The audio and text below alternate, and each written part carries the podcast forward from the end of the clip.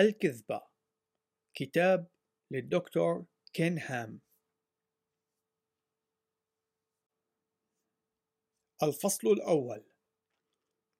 عنوان المسيحية تتعرض لهجوم واسع النطاق.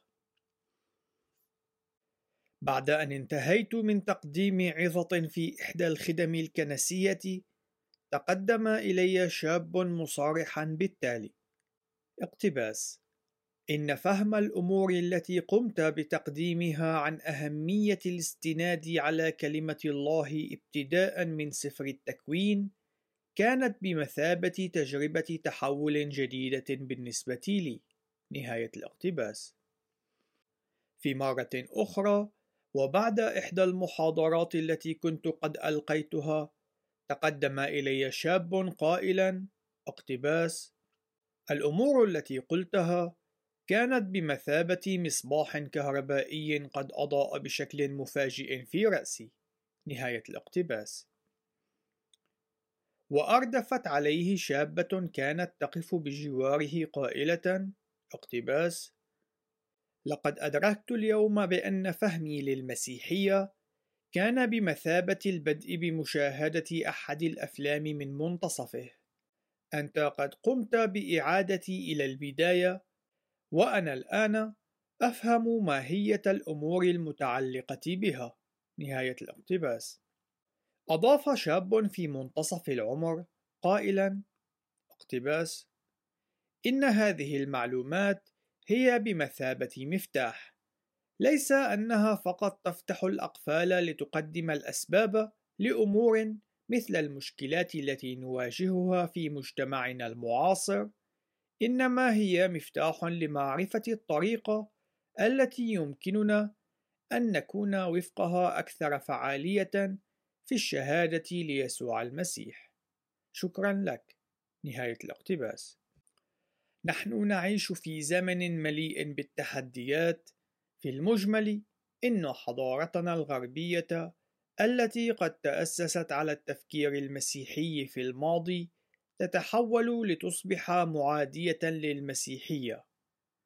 نحن نشهد تزايدا مستمرا لزواج المثليين وتأييد الإجهاض عند الطلب والميل إلى التمرد على السلطات والتخلي عن الزواج وتزايد في المواد الإباحية وزيادة في الخروج عن القانون إضافة إلى حملات التسويق العدائية التي يقودها الملحدون للتسويق لديانتهم. هذه الأمور على سبيل المثال لا الحصر، ونجد أن المسيحيين أصبحوا في حالة من الصراع للدفاع عن حقوقهم حتى أنهم باتوا يوسمون بأنهم أشخاص سيئون. هذه الأمور تحدث حتى في تلك الأمم التي توسم بأنها مسيحية. ما الذي قد حدث في مجتمعنا لكي تحدث مثل هذه التغييرات؟ لماذا يتواجد هذا الكم الكبير من الأشخاص المستهزئين والذين يغلقون الأبواب في وجه الإنجيل حين نحدثهم عن المسيح؟ لا بد من وجود سبب أساسي لحدوث مثل هذه التغييرات. نقرأ في سفر أخبار الأيام الأول في الإصحاح الثاني عشر والآية الثانية والثلاثين منه اقتباس: ومن بني يساكر الخبيرين بالأوقات. نهاية الاقتباس. فهل نعرف نحن الأوقات التي نعيش فيها؟ لماذا نرى تراجع المسيحية في العالم الغربي؟ ما هو السبب الأساسي لذلك؟ وما هو السبب الرئيسي الذي يدفع بالمجتمع المعاصر للتحول أكثر فأكثر بعيدا عن المسيح؟ حتى في الأمة الأمريكية العظيمة التي تمتلك أكبر تأثير مسيحي في العالم، والتي تمتلك أكبر كم من الموارد المسيحية في هذا الزمن بشكل يفوق أي فترة زمنية مضت.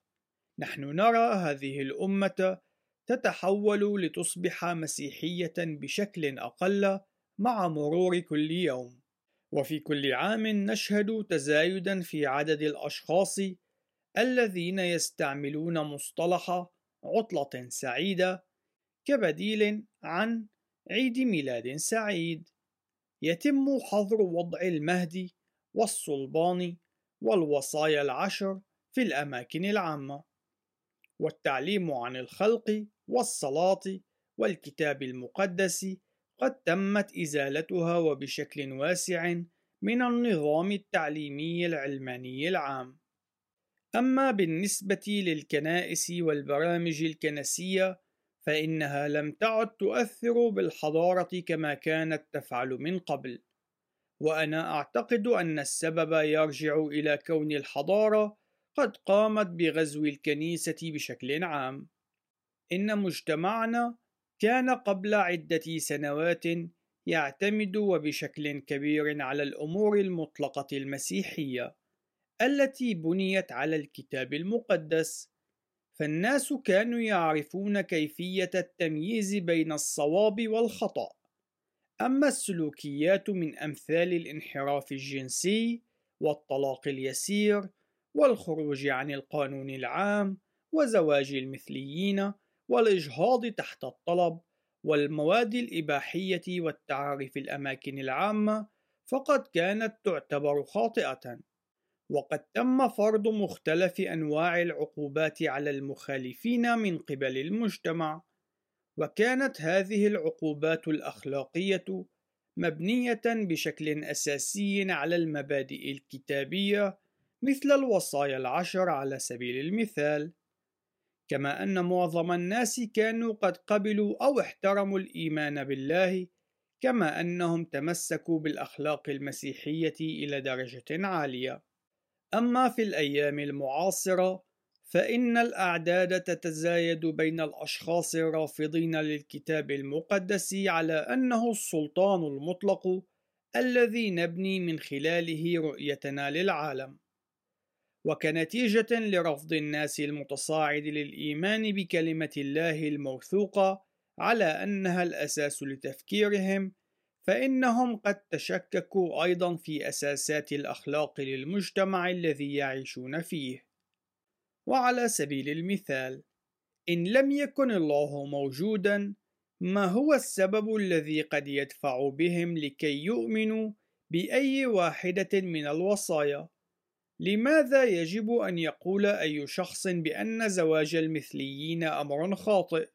لماذا يجب أن يتم منع النساء من إجراء عمليات الإجهاض كلما رغبن في ذلك؟ بمجرد أن يقوم الناس بالابتعاد عن كلمة الله بوصفها الأساس الذي تبنى عليه قيمهم الأخلاقية، فإنهم يباشرون بتغيير القوانين الأخلاقية المبنية على المطلقات المسيحية التي تتمسك بالله كخالق وبالتالي فهو صاحب الملكية لجميع الأشياء. لقد تم إضعاف تأثير المطلقات المسيحية أو إزالتها من دورها كأساس للمجتمع، وجرى استبدالها برؤية للعالم تقول: اقتباس: نحن لن نقبل بأن الطريقة المسيحية في القيام بالأشياء أي أننا نبني رؤيتنا لعالمنا وحياتنا على مبادئ الكتاب المقدس هي الطريقة الوحيدة. يجب علينا أن نتقبل جميع المعتقدات وأساليب الحياة التي تقدمها الديانات الأخرى. نحن من نحدد الصواب والخطأ. نهاية الاقتباس. أعتقد أننا وبشكل متصاعد نتشابه مع الوضع الموصوف في سفر القضاة في الإصحاح الحادي والعشرين في الآية الخامسة والعشرين منه. اقتباس في تلك الأيام لم يكن ملك في إسرائيل. كل واحد عمل ما حسن في عينيه. نهاية الاقتباس. عند غياب السلطان المطلق هذا يعني عندما لا يكون الكتاب المقدس هو أساس تفكيرنا فإن النسبية الأخلاقية سوف تسيطر على المجتمع نحن نعيش في مرحلة يطالب فيها الناس بتقبل الرؤى الأخلاقية المختلفة إلا أن هذا التقبل سوف يعني عدم تقبل المطلقات المسيحية. إن هذه الفكرة عن التقبل قد تسببت وبشكل تدريجي بإضعاف المسيحية. والغالبية من المسيحيين لا يدركون ماذا يجري في الحقيقة. فالعديد من المسيحيين قد تعرضوا للخداع ليؤمنوا بأنهم لا يمتلكون الحق في أن يقوموا بفرض أفكارهم على المجتمع. فعلى سبيل المثال، يتم إخطارنا بأن مناهضي الإجهاض لا حق لهم في أن يقوموا بفرض تحيزهم المحدد هذا على المجتمع. لكن هل سمعت أي شيء من هذا القبيل يتم توجيهه إلى المجموعات المؤيدة للإجهاض؟ إن النتيجة هي أنه يتم فرض تحيز معين على المجتمع من قبل مؤيدي الإجهاض، وذلك من خلال تشريع الإجهاض عند الطلب، أيا يكن مجال عملك. فإنه لا يمكنك أن تتجنب الحقيقة في أنه في مثل هذه الحالات يتم فرض وجهة نظر معينة على أحد الأشخاص من قبل شخص آخر، فإنه لا يوجد شيء اسمه الحياد، وذلك على الرغم من أن الكثير من المسيحيين يسقطون في شرك الاعتقاد بوجوده. في الحقيقة أعتقد بأن هذه الفكرة الخاطئة عن الحيادية قد تسببت بمشكلة كبيرة للكنيسة والأمة بشكل عام في الولايات المتحدة الأمريكية. وكمثال على ذلك، فلننظر إلى القضية التي تعرف باسم فصل الكنيسة عن الدولة. هذه القضية قد استخدمت لاستبعاد كل من الكتاب المقدس والصلوات والتعليم عن الخلق إضافة إلى الكثير من الأمور المسيحية من النظام التعليمي العلماني. وعلى النقيض من ذلك، فإن النظام التعليمي لا يقف موقفا محايدا على الإطلاق.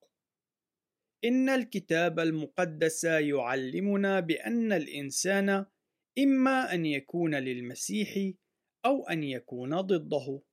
هذا في متى؟ في الإصحاح الثاني عشر في الآية الثلاثين. وإما أن يسير في النور أو أن يسير في الظلمة. كما يرد في الرسالة إلى أهل أفسس في الإصحاح الخامس في الآية الثامنة. وإما أن يجمع أو أن يفارق. كما يرد في لوقا في الإصحاح الحادي عشر في الآية الثالثة والعشرين منه. فلا يوجد أي موقف محايد. وكذلك هو حال النظام التعليمي. فإما أن يكون للمسيح أو أن يكون ضده. عندما تم استبعاد كل من الكتاب المقدس والصلاة والتعليم عن الخلق والجوانب الأخرى من التفكير المسيحي من النظام التعليمي العلماني في الولايات المتحدة، لم يكن ما حدث هو إخراج الدين من المدارس، بل إخراج المسيحية منها، فقد تم استبدالها بالديانة الطبيعية أو الإلحادية. ليس من المطلوب من الشخص أن يقوم بأكثر من إلقاء نظرة على واحد من كتب علم الأحياء الرئيسية المستخدمة في النظام التعليمي العلماني لكي يلاحظ كيف يتم تعليم التلاميذ بأن الكون بأسره بما في ذلك البشر وجميع أشكال الحياة قد تم تفسيره من خلال المذهب الطبيعي. يتم تلقين التلاميذ الديانة الإلحادية. علما أن 90% من التلاميذ الذين يترعرعون في منازل وكنائس مسيحية يرتادون المدارس العلمانية في الولايات المتحدة. فيتم تلقينهم تعليما مضادا للكتاب المقدس. لطالما اعتقد البعض مخطئين بالادعاء القائل بأن التلاميذ يستطيعون أن يتلقوا التعليم عن الله في صفوف التربية الدينية أو في الكنيسة أو في المنزل، لكن ليس في صفوف دراسة العلوم، لأن ذلك سوف يكون إدخالا للدين إلى المدارس. لكن إن كان يتم تعليم التلاميذ في صفوف العلوم بأن كل أشكال الحياة بما في ذلك البشر الذين يشبهونهم يمكن أن يتم تفسيرها من خلال المعالجة الطبيعية، أي أنه لا يوجد تدخل لما يفوق الطبيعة، فمن هو الإله الذي يتم الحديث عنه في صفوف التعليم الديني أو في الكنيسة؟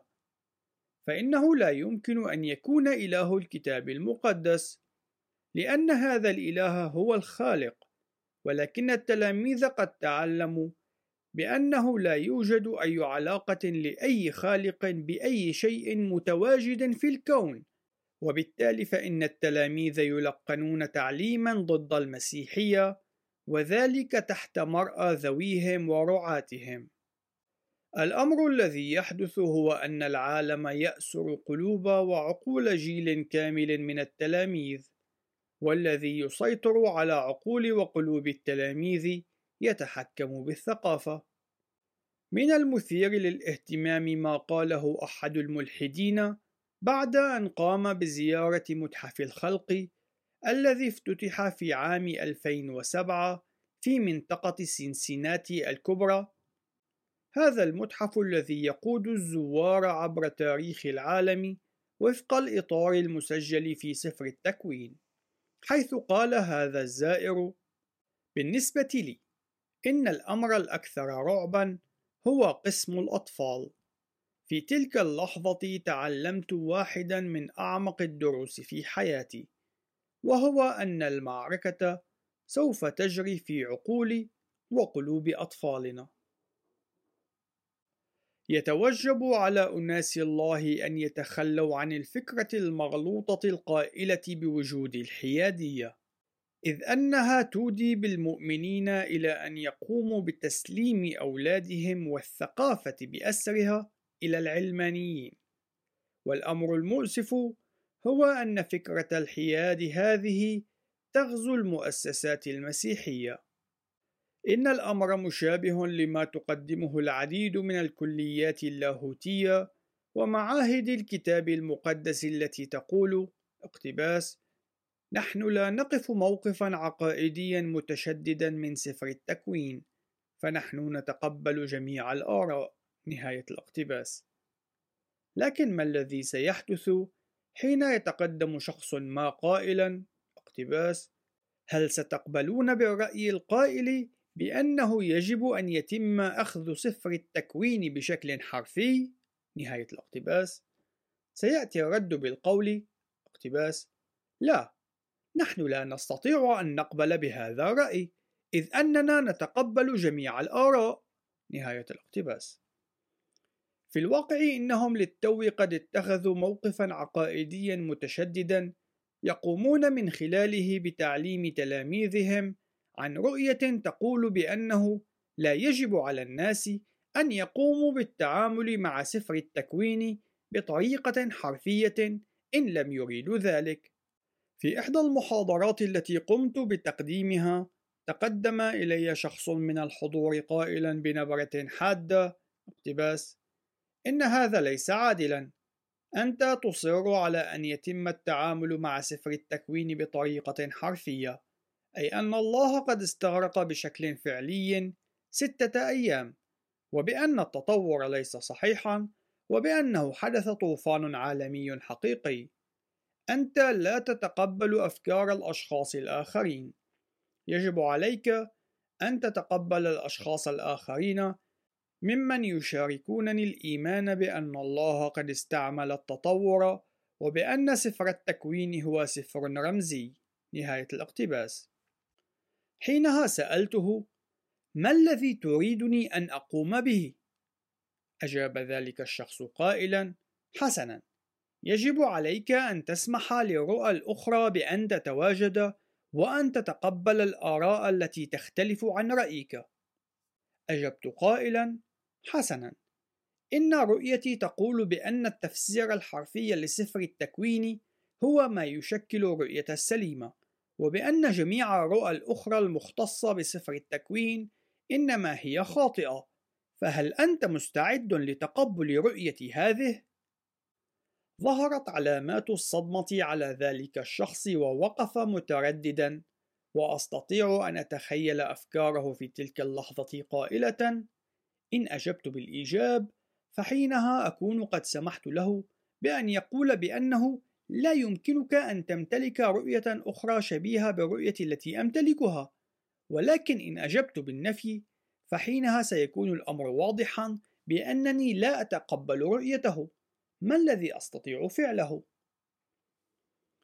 نظر إلي بعد ذلك وقال هذه سفسطة إن ما يعنيه بالحقيقة هو أنه قد خسر الجدال وبأنه لا يريد أن يعترف بعدم تقبله لموقفي.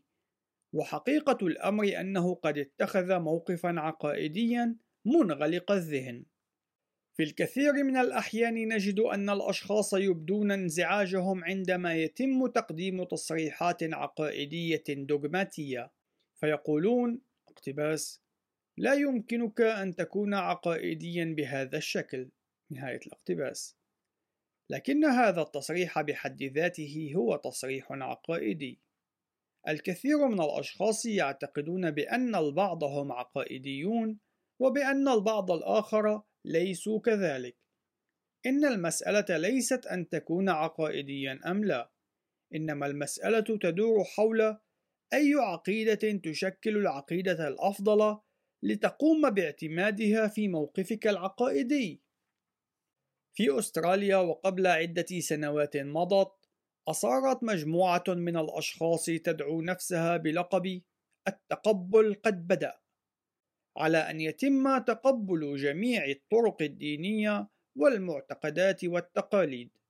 وكانوا يقولون بأنه يجب علينا أن نوقف حالة عدم التقبل السائدة في المجتمع وفي منشورهم الترويجي الذي يقدم شرحا لوجهة نظرهم التي يتبنونها كان من المثير للاهتمام أن نلاحظ أنهم أدرجوا جميع الأشياء التي كانوا يقفون ضدها ومعظم هذه الأشياء التي كانوا لا يتقبلونها كانت مرتبطة بالمسيحية. إن الأمر الذي كانوا يريدون قوله هو أنهم مستعدون لتقبل أي شيء فيما عدا المسيحية لقد كانوا يقفون موقفا معاديا للسلطان المطلق لكلمة الله. إن فكرة الذهنية المنفتحة تنتج عن الادعاء القائل بأنه لا وجود لما يدعى بالحقيقة المطلقة أو بأن الحقيقة لا يمكن أن يتم إدراكها بشكل مطلق. ونجد البعض يقولون لا يوجد أي أمر مطلق. لكن الساخر بالأمر هو أن هذا الافتراض بذاته قد أصبح الأمر المطلق الذي يتبنونه. إن هذا النوع من الأفكار يصدر عن الفلسفة المعادية للكتاب المقدس والتي تتبنى فكرة أن جميع الأشياء هي نسبية. المطلقات المسيحية وهي تلك الحقائق والمعايير المبنية على الكتاب المقدس والتي لا يمكن أن يتم تغييرها أصبحت الآن تلقى قبولا أقل في المجتمع وهذا الأمر يحدث لأن كلمة الله وعلى نحو متزايد لم تعد الأساس الذي تبنى عليه رؤية الشخص للعالم. وفي نهاية المطاف فإن هذا الأمر سيصل بنا إلى مرحلة يتم فيها منع المسيحية وتحريمها وهو أمر بات يبدو أكثر واقعية من خلال التشريعات التي لا تقوم فقط بتقييد النشاطات المسيحية في الولايات المتحدة فحسب، بل من خلال الأساسات التي يتم وضعها والتي تقود إلى أن يتم النظر إلى المسيحيين على أنهم مجرمين وذلك بسبب الطريقة التي يمكن من خلالها أن يتم استخدام تشريعات جرائم الكراهية وغيرها من القوانين التي تصدر. في الوقت الذي كانت فيه المطلقات المسيحية تشكل الأسس المجتمعية، كانت جميع الأنشطة غير الأخلاقية مثل أنماط حياة المثلية الجنسية والسحاق والإجهاض تعتبر محظورة، إلا أنه قد حدث تحول على مستوى الأسس، فمجتمعنا المعاصر قد بات مبنيا على الأخلاق النسبية، وهذا يعني أن الشخص يستطيع أن يقوم بما يحلو له وليس من الواجب عليه أن يقدم حسابا لأي شخص سواه. وذلك طالما أن غالبية الناس مقتنعة بأن الأمور التي تختص بمصالحهم مصانة. إن هذه الأخلاق النسبية قامت بإعلام المجتمع بأنه لم يعد مسموحا لأي شخص أن يقول أي شيء ضد أولئك الذين يختارون أن يكونوا منحرفين جنسيا أو أن يمارسوا التعري في العلن أو أن يفعلوا ما يريدون. وذلك ضمن الحدود التي يسمح بها القانون الذي بات يتغير ليصبح أكثر تسامحا مع أفعال الناس. هذا الأمر صحيح. فنحن نرى هذا النوع من التسامح فيما يتعلق بالتعري. في عام 2009 كانت هنالك حالة في ولاية أوريغون التي تعرف بالتسامح مع التعري في العلن إلى حدود معينة. قرر رجل أن يقوم بالسير عاريا بالقرب من ثلاثة مدارس في المدينة. واحدة من بين هذه المدارس كانت مدرسة ابتدائية. كان من المثير أن نرى اقتباسا لأحد القادة المحليين في أحد التقارير الإخبارية حيث ورد التالي: لكن عضو المجلس كارلين فويسن قالت أنها لا تعتقد أن رغبات الأهالي في حماية أطفالهم من رؤية بالغين متعارين يجب أن تكون سببًا في حجب حرية التعبير. أين سينتهي كل هذا؟ من الطبيعي أن نسأل السؤال عينه: أين سينتهي بنا المطاف؟ إن لم يوجد مطلقات، فهذا سيعني بأن جميع الأمور هي نسبية، وبالتالي فإن أي شيء يمكن أن يتم تمريره. إن المطلقات التي يفرضها الرب الإله تعني بأنه يوجد قواعد يجب علينا أن نلتزم بها، والمسيحية لا يمكنها أن تتعايش مع مجتمع مبني على أسس الأخلاق النسبية. واحد من بين الاثنين سوف يضطر للخضوع. يوجد رؤيتين للعالم، وكل منهما تمتلك نظاما عقائديا مختلفا عن الأخرى تتصارعان في مجتمعنا. إن الحرب الحقيقية التي تشن هي حرب روحية عظيمة. كلمة الله في مواجهة المنطق البشري المستقل، والمطلقات المسيحية المبنية على الكتاب المقدس في مواجهة الأخلاق النسبية حيث أن الإنسان هو من يحدد قواعده الخاصة. والأمر المؤسف هو أن العديد من المسيحيين قد فشلوا في كسب الحرب وذلك لأنهم فشلوا في التعرف على الطبيعة الحقيقية للمعركة. أنا أعتقد بأن هذا الصراع الروحي متجذر في قضية السلطان. كلمة الله أم كلمة الإنسان؟ في وقتنا الحاضر نجد أن مسألة الأصول أي مسألة الخلق، التطور وملايين السنوات قد لعبت دورا محوريا في تقويض سلطان كلمة الله عند أجيال من الناس. وعلى الرغم من أن الموضوع قد يبدو غريبا أو جديدا عند البعض من القراء، إلا أنه من الناحية الكتابية والمنطقية فإن قضية الأصول وتأثيرها على سلطان الكتاب المقدس في الثقافة تحتل مركزا أساسيا في المعركة من أجل أرواح البشر في حضارتنا المعاصرة. معظم الأشخاص يمتلكون فكرة مغلوطة عن ماهية الأمور المختصة بالتساؤل عن الخلق والتطور وعمر الأرض، وعوضًا عن إدراك القضية الحقيقية فإنهم قد تعرضوا للخديعة للاعتقاد بأن التطور و أو ملايين السنوات هي أمور علمية في حين أن السرد التوراتي للأصول يمثل أمورا دينية إلا أن الأمر ليس كذلك. إن كلمة علم تعني بشكل أساسي المعرفة. ويوجد فارق شاسع بين المعرفة التي تكتسب من خلال المعاينة وهذا ما نشير به إلى المعرفة التي ساعدتنا على بناء التقنيات التي وصلنا إليها وبين المعرفة المختصة بالماضي وكيفية نشأة الكون والحياة مسألة الأصول تتعلق بالنوع الثاني من المعرفة ونظم المعتقدات المختصة بالماضي.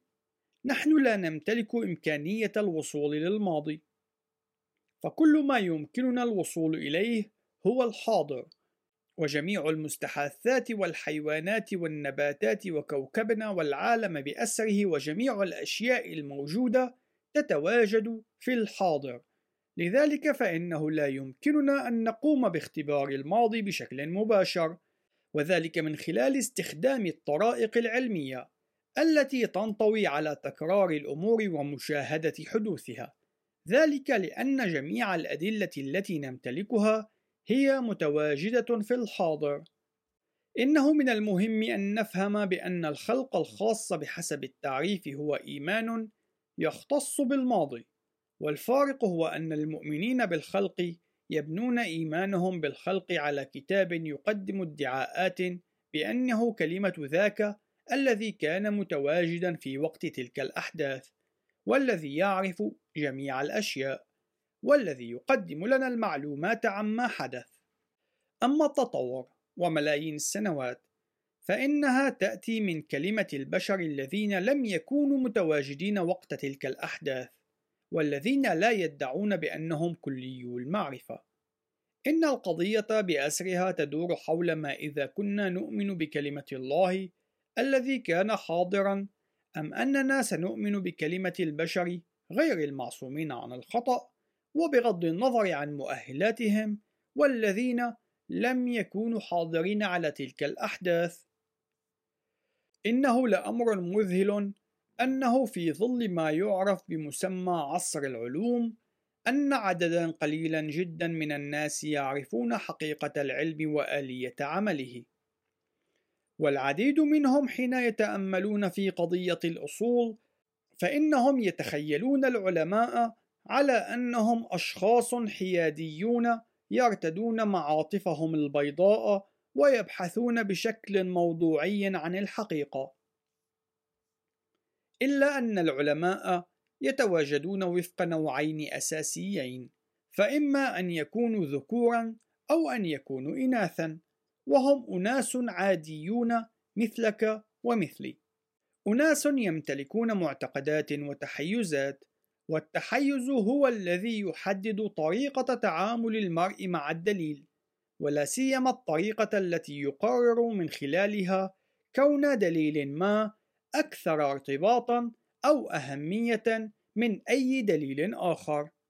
إن العلماء ليسوا باحثين موضوعيين عن الحقيقة، وهم ليسوا حياديين. العديد من الأشخاص يسيئون فهم التحيز وذلك من خلال الاعتقاد بأن بعض الأفراد هم متحيزون في حين أن البعض الآخر ليسوا كذلك. على سبيل المثال، تأمل في أحد الملحدين إن شخصا مثل هذا يعتقد بأنه لا وجود لله فهل يمكن للملحد أن يتعامل مع السؤال القائل هل قام الله بالخلق؟ إن الإجابة هي لا إذ أنه بمجرد أن يتم السماح للسؤال بأن يطرح فإنه لن يكون ملحدا فيما بعد وبالتالي فإن العالم الملحد الذي يقوم بمعاينة المستحاثات والعالم المحيط به وبغض النظر عن ماهية الأدلة التي سوف يجدها فإنها سوف لن تكون ذات صلة بأي من الأحداث التوراتية مثل طوفان نوح على سبيل المثال. حتى في حال وجد فلكا عملاقا متموضعا على جبل أرارات. فإنه لن يسمح لأي دليل بأن يدعم ادعاءات الكتاب المقدس عن فلك نوح. فإنه في اللحظة التي يسمح بها بذلك سوف يتنازل وبشكل مباشر عن إطاره الديني الإلحادي إن أي ملحد هو متحيز وبنسبة 100% وهذا الأمر يجب أن يبقى حاضرا في الذهن عند قراءة أي كتاب تعليمي أو مشاهدة أي برنامج تلفزيوني تم إنتاجه من قبل أحد الملحدين. أرجو منكم في هذا المقام ألا تسيئوا الفهم. إن كلا من التطوريين والخلقيين قادرين على إنتاج علوم عظيمة، وذلك فيما يتعلق بالعلوم التجريبية، ولهذا السبب نجد أن الملحدين والتطوريين والخلقيين التوراتيين يستطيعون أن يقوموا بالعمل معا كفريق واحد لإنتاج مركبة فضائية، وفي الوقت عينه سوف يتوافقون بعضهم مع بعض حول آلية بناء هذه التقنية، إلا أنهم سوف يختلفون بعضهم مع بعض حين يخوضون في نقاش حول نشأة كوكب المريخ أو نشأة الكون وذلك نتيجة لتحيزهم. إنهم سوف يتفقون حين يتعلق الأمر بالعلوم التجريبية، إلا أن الوضع سوف يتغير حين يكون الموضوع المطروح مختصًا بعلم الأصول. لقد عاينت الكثير من الأمثلة عن التحيز الذي ظهر بطرق مختلفة. لقد كنت ضيفًا على برنامج إذاعي حواري في دنفر، كولورادو، وأعلمني مقدم البرنامج أنني أمتلك سبعة دقائق لكي أقدم دليلا على الخلق وبأنه سوف يجلس ويستمع لذلك انطلقت إلى التفاصيل التي يقدمها الكتاب المقدس والمختصة بالطوفان الذي حدث أيام نوح وبرج بابل وسوى ذلك من المواضيع ذات الصلة. وقمت بتقديم شرح لكيفية دعم الأدلة من مختلف الثقافات وكذلك من السجل الإحفوري للسرد الذي يقدمه الكتاب المقدس. كما قمت باستعراض جوانب أخرى من الخلق بغية إظهار حقيقة الكتاب المقدس. وفي نهاية السبع دقائق قام المذيع بالإدلاء بهذا التعليق على الهواء وقال التالي اقتباس حسنا لم أسمع منك أي دليل على الخلق على الإطلاق. هذه هي الخلاصة نهاية الاقتباس. إنما أراد قوله في الحقيقة هو أنه لم يكن مستعدا للقبول بالأدلة التي قدمتها له وذلك لأنه يريد التمسك بتحيزه. إن الشخص الذي يعتنق مذهب لا أدري أي الإجنوستيك هو متحيز بنسبة 100% إذ أنه يعتقد بأن الشخص عاجز عن معرفة أي شيء بطريقة أكيدة وبغض النظر عن كمية الأدلة التي تقدم له يستطيع بشكل دائم أن يقول أنا لا أدري. إذ أنه بمجرد أن يعرف سوف يتوقف في تلك اللحظة عن كونه لا أدري أي إجنوستيك أما من منظور الكتاب المقدس فإن رسالة روميا في الإصحاح الأول تعلم بأن الأدلة على الخلق موجودة حولنا وفي كل مكان. ولذلك فإن أي شخص لا يؤمن بالخالق والمخلص سيقع تحت الدينونة. كما أنه من المهم أن نلاحظ أنه من غير الضروري أن نرى الخالق لكي نميز الخلق الخاص الذي قام به فلمجرد أن الشخص لا يستطيع أن يرى المهندس المعماري الذي قام بإنشاء مبنى ما فإن ذلك لن يعني بأنه لم يوجد تصميم ذكي يقف خلف إنشاء ذلك المبنى. لكن ماذا عن المؤمن بالوحي؟ أي ذلك الشخص الذي يؤمن بأن الإله التاريخي الحقيقي قد أعلن الحقيقة عن ذاته من خلال كتاب. كتاب يدعي في أكثر من ثلاثة آلاف موضع منه بأنه كلمة الله. هل يستطيع شخص مماثل أن يتعامل مع السؤال المعاكس الذي يقول بأن الله لم يقم بالخلق؟ لا، إنه لا يستطيع القيام بذلك، إذ أنه ينطلق من افتراض أن الله قد خلق وبأن كلمته هي حقيقية. إن الملحد واللا أدري والمؤمن بالوحي وكذلك الحال بالنسبة للملحد الذي يتبنى مواقفا دينية جميعهم سوف يتعاملون مع الأدلة بطريقة يتم تحديدها من خلال افتراضات موقفهم الديني. إن المسألة ليست مسألة كون الشخص متحيزا أم لا، إن السؤال يختص في التحيز الذي يشكل التحيز الأفضل الذي سوف يعتمده في تحيزه. ولهذا السبب فإننا نجد بين أوائل أقسام العرض في متحف الخلق قسما يحمل اسم غرفة نقاط الانطلاق وهي عبارة عن سلسلة من الإشارات والعلامات التي تعلم الناس بأننا جميعا نمتلك نقطة انطلاق نبني عليها رؤيتنا للعالم. وفي نهاية المطاف يوجد فقط نقطتين للانطلاق. فإما أن ننطلق بالاعتماد على كلمة ذاك الذي لطالما كان موجودا والذي يعرف جميع الأشياء والذي أعلن لنا عن الحقيقة المتعلقة بالماضي لكي نكون قادرين بشكل سليم على فهم الحاضر أو أن ننطلق بالاعتماد على أفكار الإنسان غير المعصوم عن الخطأ الذي لم يتواجد كشاهد على تلك الأحداث ولا يعرف جميع الأشياء. يمكن معاينة الأمثلة الواضحة عن التحيز في التعليم العام ومواجهته لخدمة التعليم عن الخلق. إن الحوار التالي الذي يمكن أن يعتبر إلى درجة عالية على أنه حوار نموذجي للطلاب في النظام التعليمي العام أي الحكومي يظهر ماهية التحيز. بعد محاضرة عن الخلق، وقف أحد التلاميذ مصارحًا: إنه من غير الممكن أن يكون فلك نوح حقيقيًا، فإنه من غير الممكن له أن يضع كل تلك الحيوانات على متنه. حينئذ توجهت إليه بسؤال يقول: ما هو العدد النهائي للحيوانات التي قام بوضعها على متن الفلك؟ أجاب التلميذ مستخدما الرد المعتاد لهذا السؤال: أنا لا أعرف، لكنه من غير الممكن أن يكون هذا الأمر قد حدث. فتقدمت إليه بسؤال آخر: كم كان حجم الفلك؟ فأجاب من جديد قائلا: لا أعرف، لكنه من غير الممكن أن يتسع لكل تلك الحيوانات على متنه.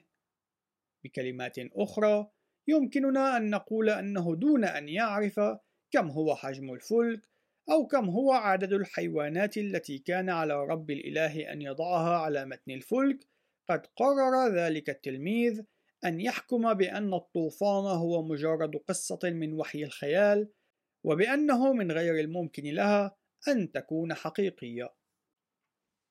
في إحدى المدن نقل أحد أنصار خدمتنا الخلقية المتحمسين أحداث حوار أجراه مع البعض من زملائه الأكاديميين في الجامعة المحلية والذي دار حول موضوع طوفان نوح.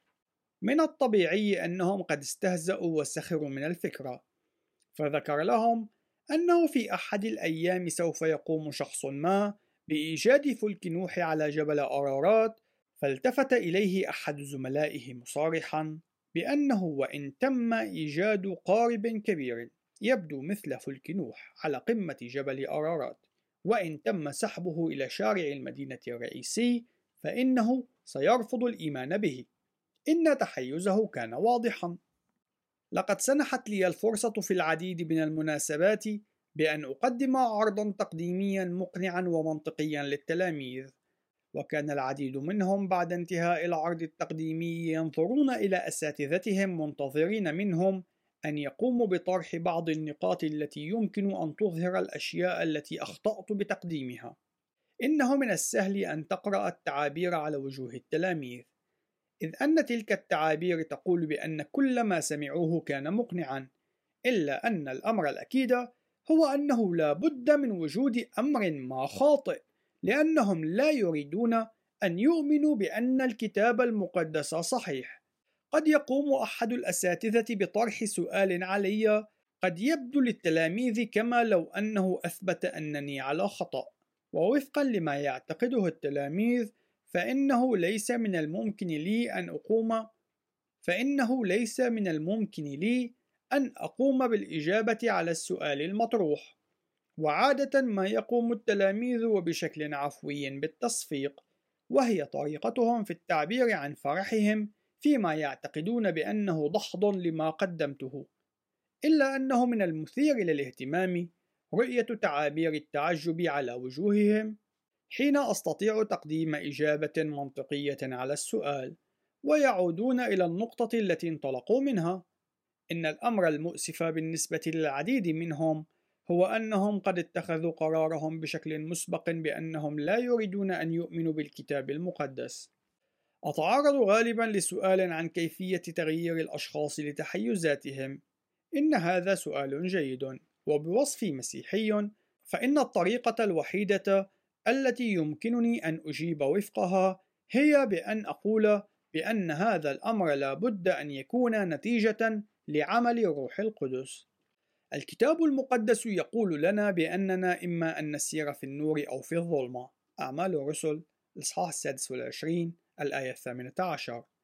إما أن نجمع أو أن نفارق أو أن نكون مع المسيح أو أن نكون ضده.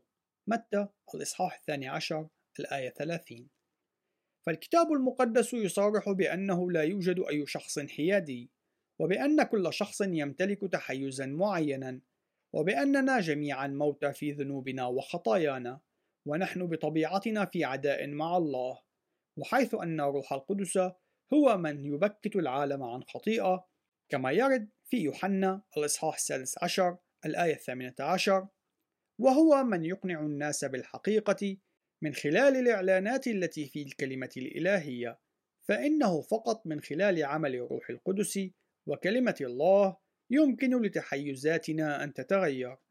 ودورنا كمسيحيين هو أن نقوم بتقديم كلمة الله التي هي أمضى من كل سيف ذو حدين إلى الأشخاص بطريقة واضحة ولطيفة وأن نصلي إلى الروح القدس عساه يستخدم ما نقوله أثناء إعطائنا الوقار الواجب لكلمة الله وتقديمنا أسبابا منطقية في الدفاع عن إيماننا لكي يفتح القلوب والأذهان لقبول المسيح.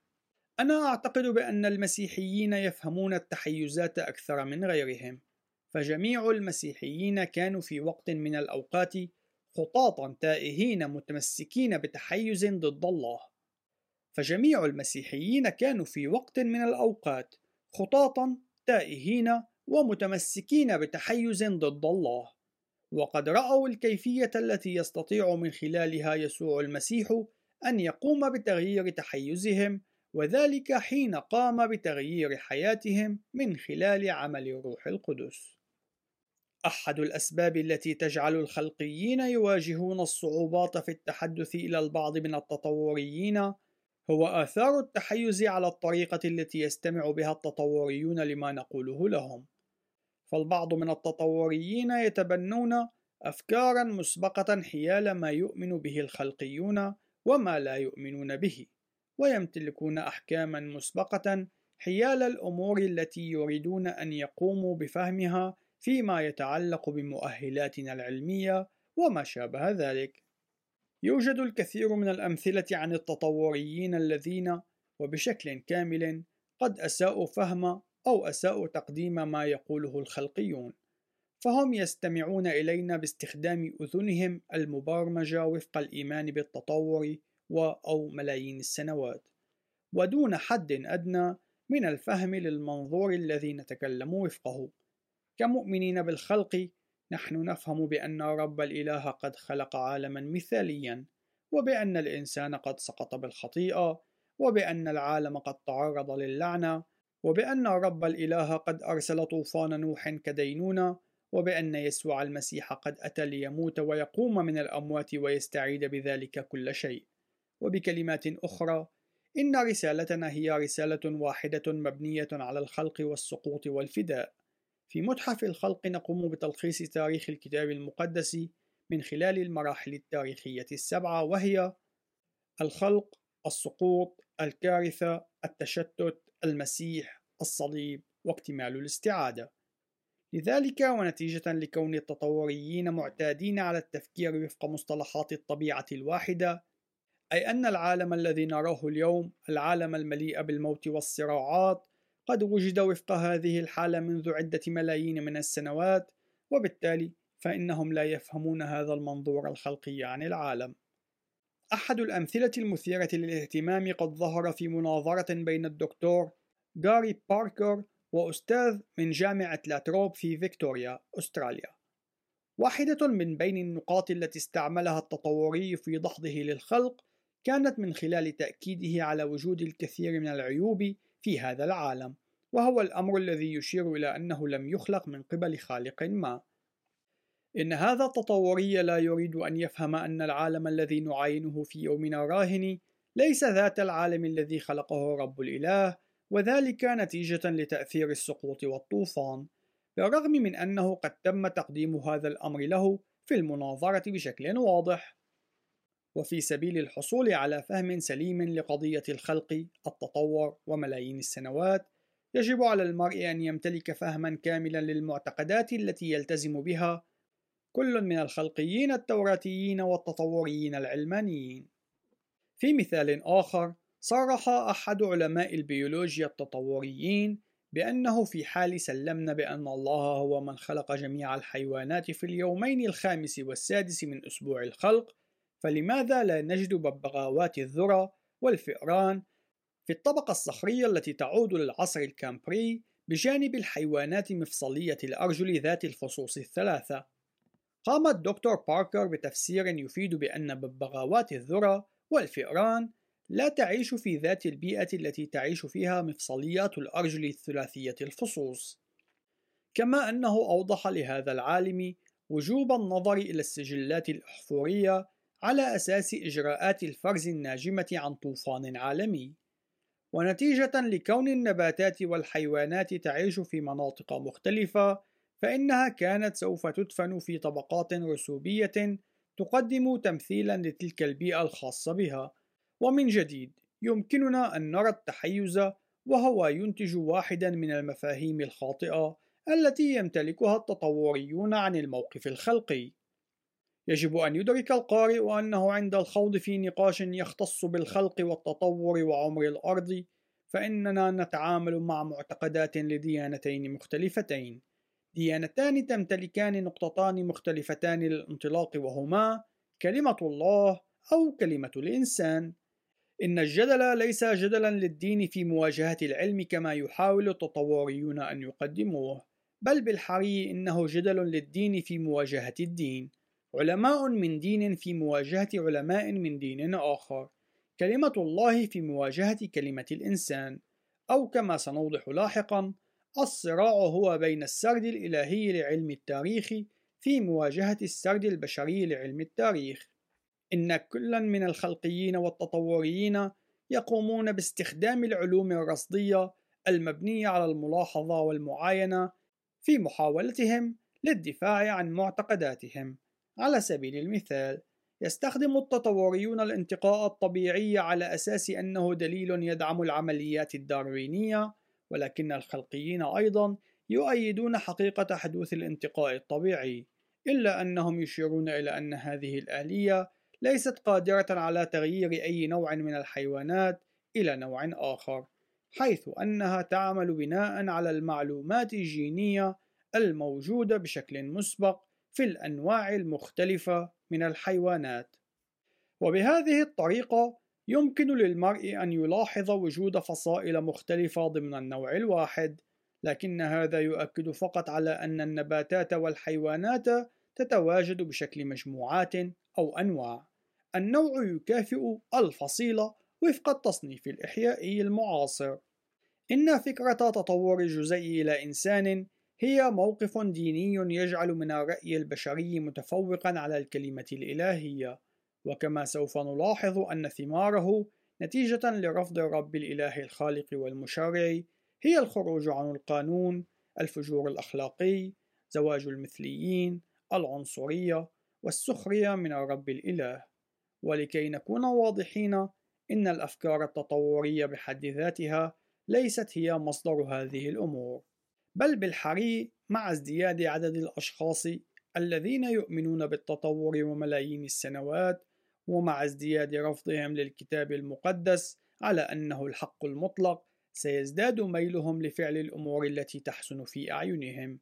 وبكلمات أخرى يمكن القول بأن النسبية الأخلاقية تخترق تفكيرهم إن الإيمان بالخلق أي السرد عن الخلق كما هو مسجل في سفر التكوين هو موقف ديني مبني على كلمة الله وثماره من خلال عمل الروح القدس هي المحبة، الفرح، السلام، طول الأنات، اللطف، الصلاح والإيمان. هذا ما يرد في الرسالة إلى أهل غلاطيا في الإصحاح الخامس في الآيات من الثانية والعشرين إلى الثالثة والعشرين. وبكلمات أخرى، حين يقوم المرء ببناء تفكيره بالاعتماد على الكتاب المقدس، حينها سوف يوجد أساس للمطلقات الأخلاقية ذلك لأن الكتاب المقدس هو كلمة الله الذي هو صاحب السلطان المطلق الذي يضع القوانين ويحدد الصواب والخطأ. إن قضية الخلق، التطور، وعمر الأرض، وتأثيرها على موقف الأشخاص من سلطان الكتاب المقدس، أي هل كلمة الله هي مصدر السلطان المطلق؟ هي جوهر المشكلات في مجتمعنا المعاصر، وهذه القضية الأساسية التي يتوجب على المسيحيين أن يتنبهوا لها. يجب علينا أن نكون واعين للزمن الذي نعيش فيه، وكذلك أن نفهم أن المعركة الأساسية هي كلمة الله في مواجهة كلمة الإنسان، وقضية الأصول في يومنا الراهن لطالما كانت هي الطريقة التي يتجلى من خلالها الهجوم على أساسات سلطان الكتاب المقدس. انتهى الفصل الأول